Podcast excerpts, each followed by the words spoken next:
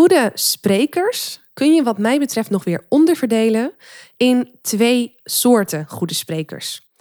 De ene goede spreker is echt een inspirerend spreker. Die weet met zijn verhaal of met haar verhaal echt inspiratie te brengen. En de ander doet meer dan dat. Die inspireert niet alleen, maar die zorgt ook daadwerkelijk voor een grotere impact. In deze podcastaflevering wil ik met je stilstaan bij het verschil tussen deze twee. Bij het verschil tussen een presentatie die inspireert en een presentatie die niet alleen inspireert, maar waarmee je ook impact maakt. Ook wil ik je vertellen waarom je liever gaat voor inspireren en impact maken tegelijkertijd versus alleen inspireren. Sta jij op dit moment al met heel veel plezier voor groepen, ondanks de misschien de spanning die je erbij nog ervaart? Zorg dan dat je goed oplet in deze podcastaflevering om te zorgen dat je in het vervolg niet alleen inspireert, maar ook daadwerkelijk een zo groot mogelijke impact maakt.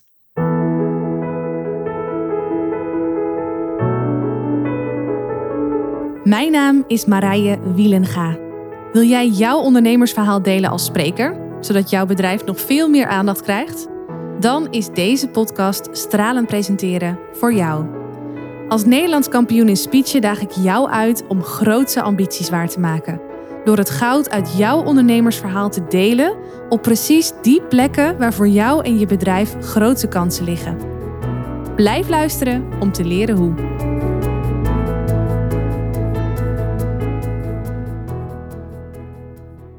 Op dit moment werk ik samen met een, uh, met een klant die een halfjaartraject bij mij volgt. Het is een founder van een gevestigd bedrijf hier in de omgeving van Zwolle.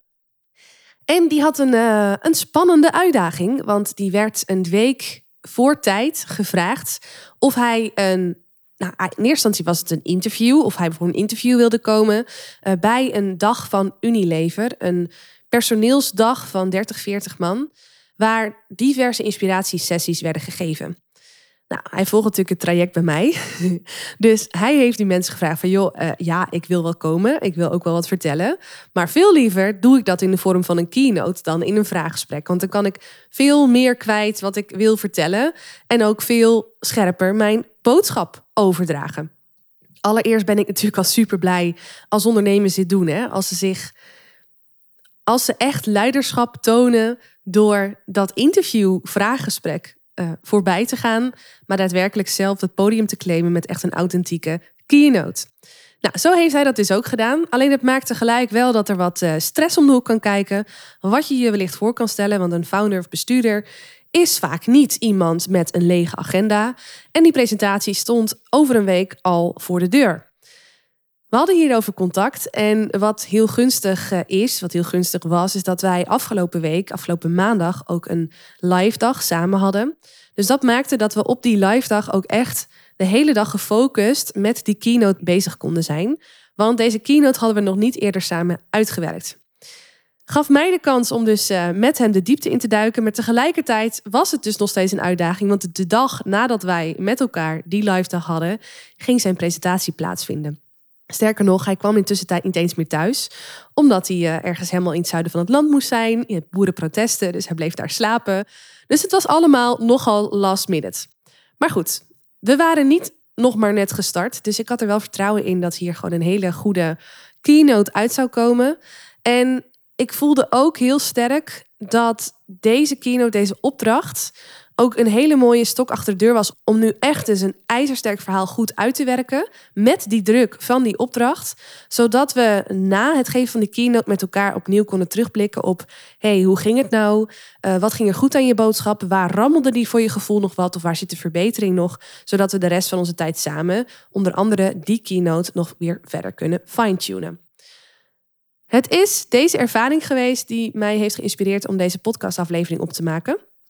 Het is deze ervaring geweest die mij heeft geïnspireerd om dit onderwerp aan te kondigen in deze podcastaflevering. Want ik merkte aan hem, en dat, hij staat erin niet los, ik merk dat vaker aan klanten, maar ik werd er opnieuw deze week aan herinnerd. Wat nou het verschil is tussen een inspirerende presentatie en een impactvolle presentatie. Mensen zijn namelijk geneigd om te inspireren en mensen zijn ook geneigd om daar voldoening mee te nemen. Als je aan, aan de gemiddelde spreker vraagt van. Uh, die, die regelmatig voor een groep staat en, en, en, dat op zich ook wel leuk vindt om te doen. Van joh, wat, wat wil je nou vooral komen brengen? Dan hoor ik toch nog vaak terug, ja, ik wil ze inspireren. En dat is super nobel, maar ik denk dan als presentatiecoach, volgens mij kun je nog veel meer bereiken dan dat.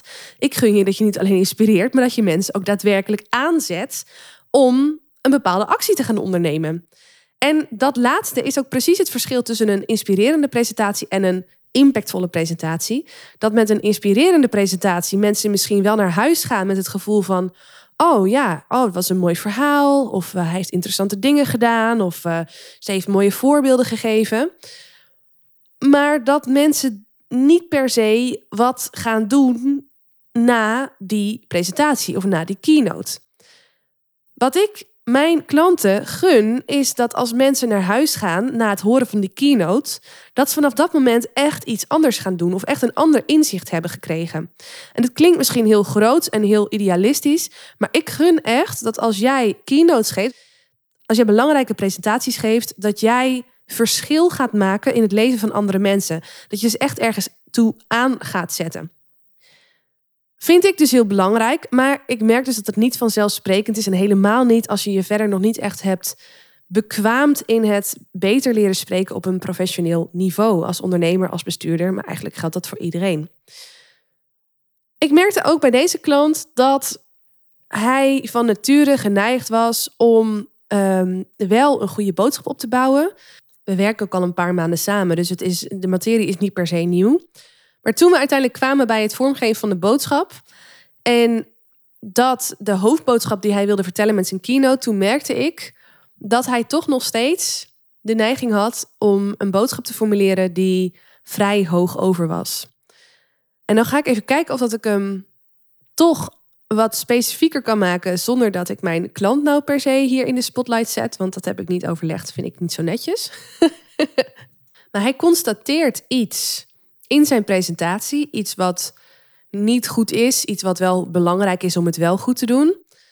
En waar hij toe geneigd was om uiteindelijk de boodschap dan te formuleren als doe hier wat mee. Pak deze handschoen op of laten wij als leveranciers in de foodsector deze handschoen oppakken om deze verandering teweeg te brengen. Op zich helemaal niet verkeerd. Ik denk ook goed dat hij aan de kaart uh, dat hij boven water brengt wat er nog niet goed gaat, wat er beter kan. Alleen met deze boodschap en de manier waarop we hem hadden ingekleed, was het niet meer dan een inspirerende boodschap. Want er zat nog niet per se een uitnodiging in. Als in, oké, na deze presentatie is dit wat we kunnen doen om dat voor elkaar te krijgen op het moment dat iemand tegen je zegt, ik zal even een ander voorbeeld geven van, uh, oké, het, is heel slecht gesteld met het klimaat. Um, we eten allemaal veel te veel vlees en vlees is de, de grootste, hè, ons, ons consumentenvlees, is de grootste vervuiler van, van de aarde op dit moment. Heb ik wel eens gehoord, ik weet niet of het helemaal waar is, maar neem even dat voorbeeld in je achterhoofd. Als iemand dan in een presentatie zegt, ja, het is gewoon belangrijk dat we geen vlees meer gaan eten, ja, dan is dat een heel inspirerend verhaal, helemaal als het goed onderbouwd is. Maar dan denk ik, als nog niet eens vegetariër, eh, laat staan veganist, dan denk ik, ja, maar eh, hoe dan? Wat, wat, wat ga ik dan vanavond koken? Zijn dat dan aardappels en sla zonder vlees? Of wat, wat, wat, wat, wat moet ik dan nu gaan doen? Gevolg is dat ik naar huis ga, wel met in mijn achterhoofd: oh ja, dit is belangrijk. Oh ja, dit was daarom ook, ook inspirerend. Er moet inderdaad wat gebeuren. Maar compleet overweldigd ben, waardoor ik niet die actie zelf om kan zetten. En er zullen ongetwijfeld mensen zijn die dat dan wel kunnen, hè, die echt heel erg geraakt zijn door de boodschap, die in één keer radicaal uh, helemaal afgaan van het vlees en misschien helemaal ook, ook plantaardig gaan eten. En dat is natuurlijk mooi. Alleen uh, het, het risico is veel groter dat mensen dus overweldigd zijn, wel geïnspireerd, maar tegelijkertijd overweldigd. En dat, dat ze dan toch vervolgens weer, als ze dan thuiskomen, dat stukje vlees op gaan eten. Want ze hebben het toch al in huis. En ja, dit is eenmaal een lekker gerecht. En kinderen vinden het lekker. Dus ja, dan, dan doen we het toch maar weer zoals we het altijd al deden. En dit is dus precies het verschil tussen een, een, een inspirerende boodschap en een impactvolle boodschap. Want een impactvolle boodschap zorgt ervoor dat je na het vertellen van het verhaal, van die aanleiding, van die, het creëren van die awareness rondom dit thema, dat je dan vervolgens met een oplossing komt een soort eerste stap die mensen nu heel laagdrempelig kunnen zetten om uiteindelijk ervoor te zorgen dat dat doel wordt bereikt van geen vlees meer eten. En wat ik wel eens merk is als ik hier met klanten mee bezig ben, dan kan het formuleren van zo'n eerste stap, zo'n kleine drempel als zullig voelen. Want mensen zijn vaak heel erg bewogen, heel erg gepassioneerd over het behalen van die doelstelling, over de missie, vaak de maatschappelijke missie van hun bedrijf. Dat ze iets hebben van ja, die eerste stap, ja, hallo, ja, het is een eerste stap, maar het moet nog zoveel meer gebeuren. Maar daarom zijn ze geneigd om die grotere visie te delen, terwijl juist die grotere visie overwhelming is.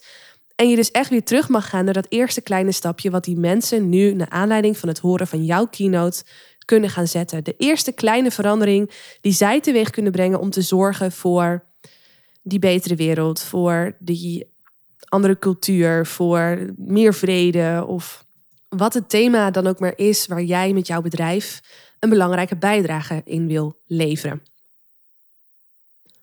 Je gaat een beginnende hardloper ook niet een clinic geven voor vergevorderde uh, hardlopers die binnenkort een marathon willen gaan doen. Snap je het verschil? Het is gewoon te overwhelming. En er zullen ongetwijfeld wel eens hardlopers zijn die daar heel erg door geïnspireerd worden. Maar het merendeel zou zoiets hebben van ja, hallo, ik ben daar gewoon nog helemaal niet aan toe. Dat doel is veel te groot, veel te ver weg. Ik uh, kap ermee. Ja, dat is natuurlijk eeuwig zonde. Dit gesprek had ik ook met mijn klant. En mijn klant was het met me eens. Tegelijkertijd vonden we het ook lastig om met elkaar dan te komen tot die eerste kleine stap. Want wat gaan we nu doen? Wat gaan zij nu doen? Het is uiteindelijk gelukkig gelukt. Maar ik wil je in deze podcastaflevering vertellen hoe je nou die impactvolle boodschap kunt creëren. Want je wil mensen in beweging zetten die eerste stap te zetten. Maar hoe doe je dat? Hoe, hoe, hoe bouw je dat praktisch in in je presentatie om te zorgen dat die presentatie dus niet alleen inspireert, maar ook echt aanzet tot iets? Dat doe je door ergens in de beginfase van het bedenken van je verhaal, van het uitwerken van je verhaal, al heel snel en duidelijk stil te staan bij de vraag, of eigenlijk het antwoord op de vraag: als mensen nu na deze presentatie naar huis lopen, wat is het dan dat ik wil dat ze ofwel gaan doen? Ofwel gaan laten of nooit meer gaan vergeten. Dit zijn de drie uitgangspunten die ik zelf heb geleerd van Remco Klaassen. En die daadwerkelijk het verschil maken tussen een inspirerende en een impactvolle presentatie. Je wil dus dat mensen iets gaan doen. Ze gaan iets gaan doen, laten of nooit meer vergeten. Waarbij die eerste twee natuurlijk echt meer in een actieve stand zitten. En die laatste veel meer één is om ja, het zegt het al, nooit meer vergeten. Die laatste variant past heel goed bij um, speeches, bij bijvoorbeeld uh, uh, gelegenheden, bruiloften, begrafenissen. Maar ook bij lectures, bij trainingen, waarbij het vooral gaat om kennis die je overdraagt. Maar als het echt gaat om een beweging die jij in gang wil zetten met je bedrijf, dat het belangrijk is voor jullie, omdat het jullie bestaansrecht ook, ook geeft, dan is het belangrijk om te zorgen dat je wil dat mensen iets gaan doen of laten. Maar dan ben je er nog niet. Want in die boodschap van ga vanaf nu allemaal uh, minimaal vegetarisch worden, maar het liefst nog veganistisch worden, zit ook een doe-component. Alleen is die doe-component veel te groot voor mensen die misschien nog niet eens vegetarisch zijn, om dat in één keer te kunnen realiseren. Het is dus goed om stil te staan bij, hey, voor welk publiek spreek ik? Wat is, uh, ja, waar staan zij in relatie tot dit thema? Zijn ze helemaal blanco? Wisselt het een beetje? Of mag ik verwachten dat ze al wat verder zijn? Zijn we hier bijvoorbeeld samen met, uh, eventjes om weer in het lijn met mijn voorbeeld te spreken, met uh, allemaal bedrijven en, en mensen die sowieso al plantaardig eten? Kijk, dan kan je drempel wat hoger zijn, want dan is het niveau ook wat ja, hoger in relatie tot dit thema. Maar zorg dat je, dat je dus een kleine stap verwerkt in je presentatie. Ervoor gaat zorgen dat mensen dat anders gaan doen in het vervolg. Mijn klant is uiteindelijk uitgekomen op een nooit meer vergeten doel. En dat nooit meer vergeten doel zit hem er heel erg in de reden waarom hij minder is gaan afnemen van deze leverancier. Hij legt dat heel goed uit in zijn, uh, in zijn presentatie, in zijn keynote. En aan het einde vindt er ook nog een soort discussie plaats, waarin hij dus ook op gaat halen hoe zij dat zien en waarom zij dit doen, omdat dit uiteindelijk maakt dat hij dus minder bij ze afneemt. Indirect zit daarmee ook wel een component van actie in, maar voor hen voor deze setting was het vooral van belang dat deze leverancier zich moet realiseren dat als zij geen verandering aanbrengen in hun manier van werken, laat ik het even een beetje hoog overhouden, dat er dan mensen zoals hij met zijn bedrijf minder gaan afnemen. Dat is een, een, een awareness die hij heeft gecreëerd, waar wellicht ook wel weer een actie uit voortkomt. Maar voor nu was het vooral belangrijk dat ze dit nooit meer zouden vergeten. En ik ben er ook van overtuigd dat ze dat doen met de kennis, met dat wat hij vertelt in zijn verhaal. Dus daarmee is het een ijzersterke boodschap geworden. Hiermee heb ik dan ook antwoord gegeven op de vraag wat het verschil is tussen een inspirerende presentatie en een daadwerkelijk. Wat het verschil is tussen een inspirerende presentatie en een presentatie of een keynote die daadwerkelijk impact maakt. En ik hoop ook dat je nu begrijpt dat je vooral voor dat laatste moet willen gaan.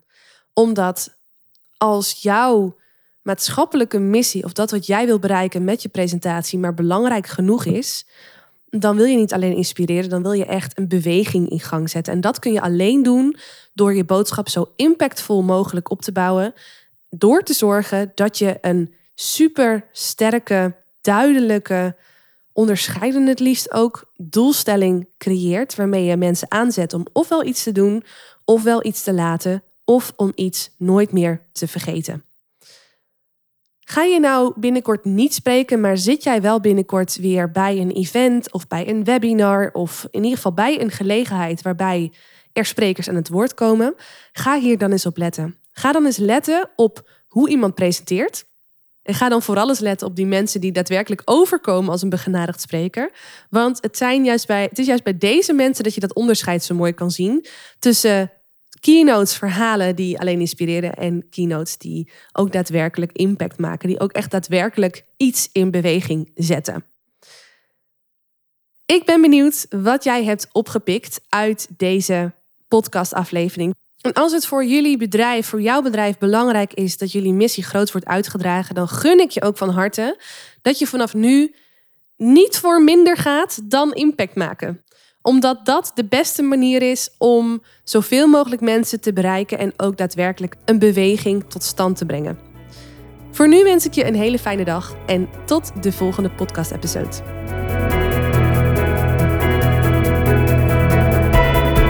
Is deze podcast waardevol voor je? Abonneer je dan op mijn kanaal om geen aflevering meer te hoeven missen. En als je dan toch bezig bent, geef je hem ook gelijk even 5 sterren via Apple Podcasts of via Spotify als dat jouw favoriete luisterkanaal is. Dat waardeer ik echt enorm. Dank je wel alvast. Onthoud, je drinkt niet door met woorden, maar wel met het gevoel dat je de ander geeft. Tot de volgende aflevering.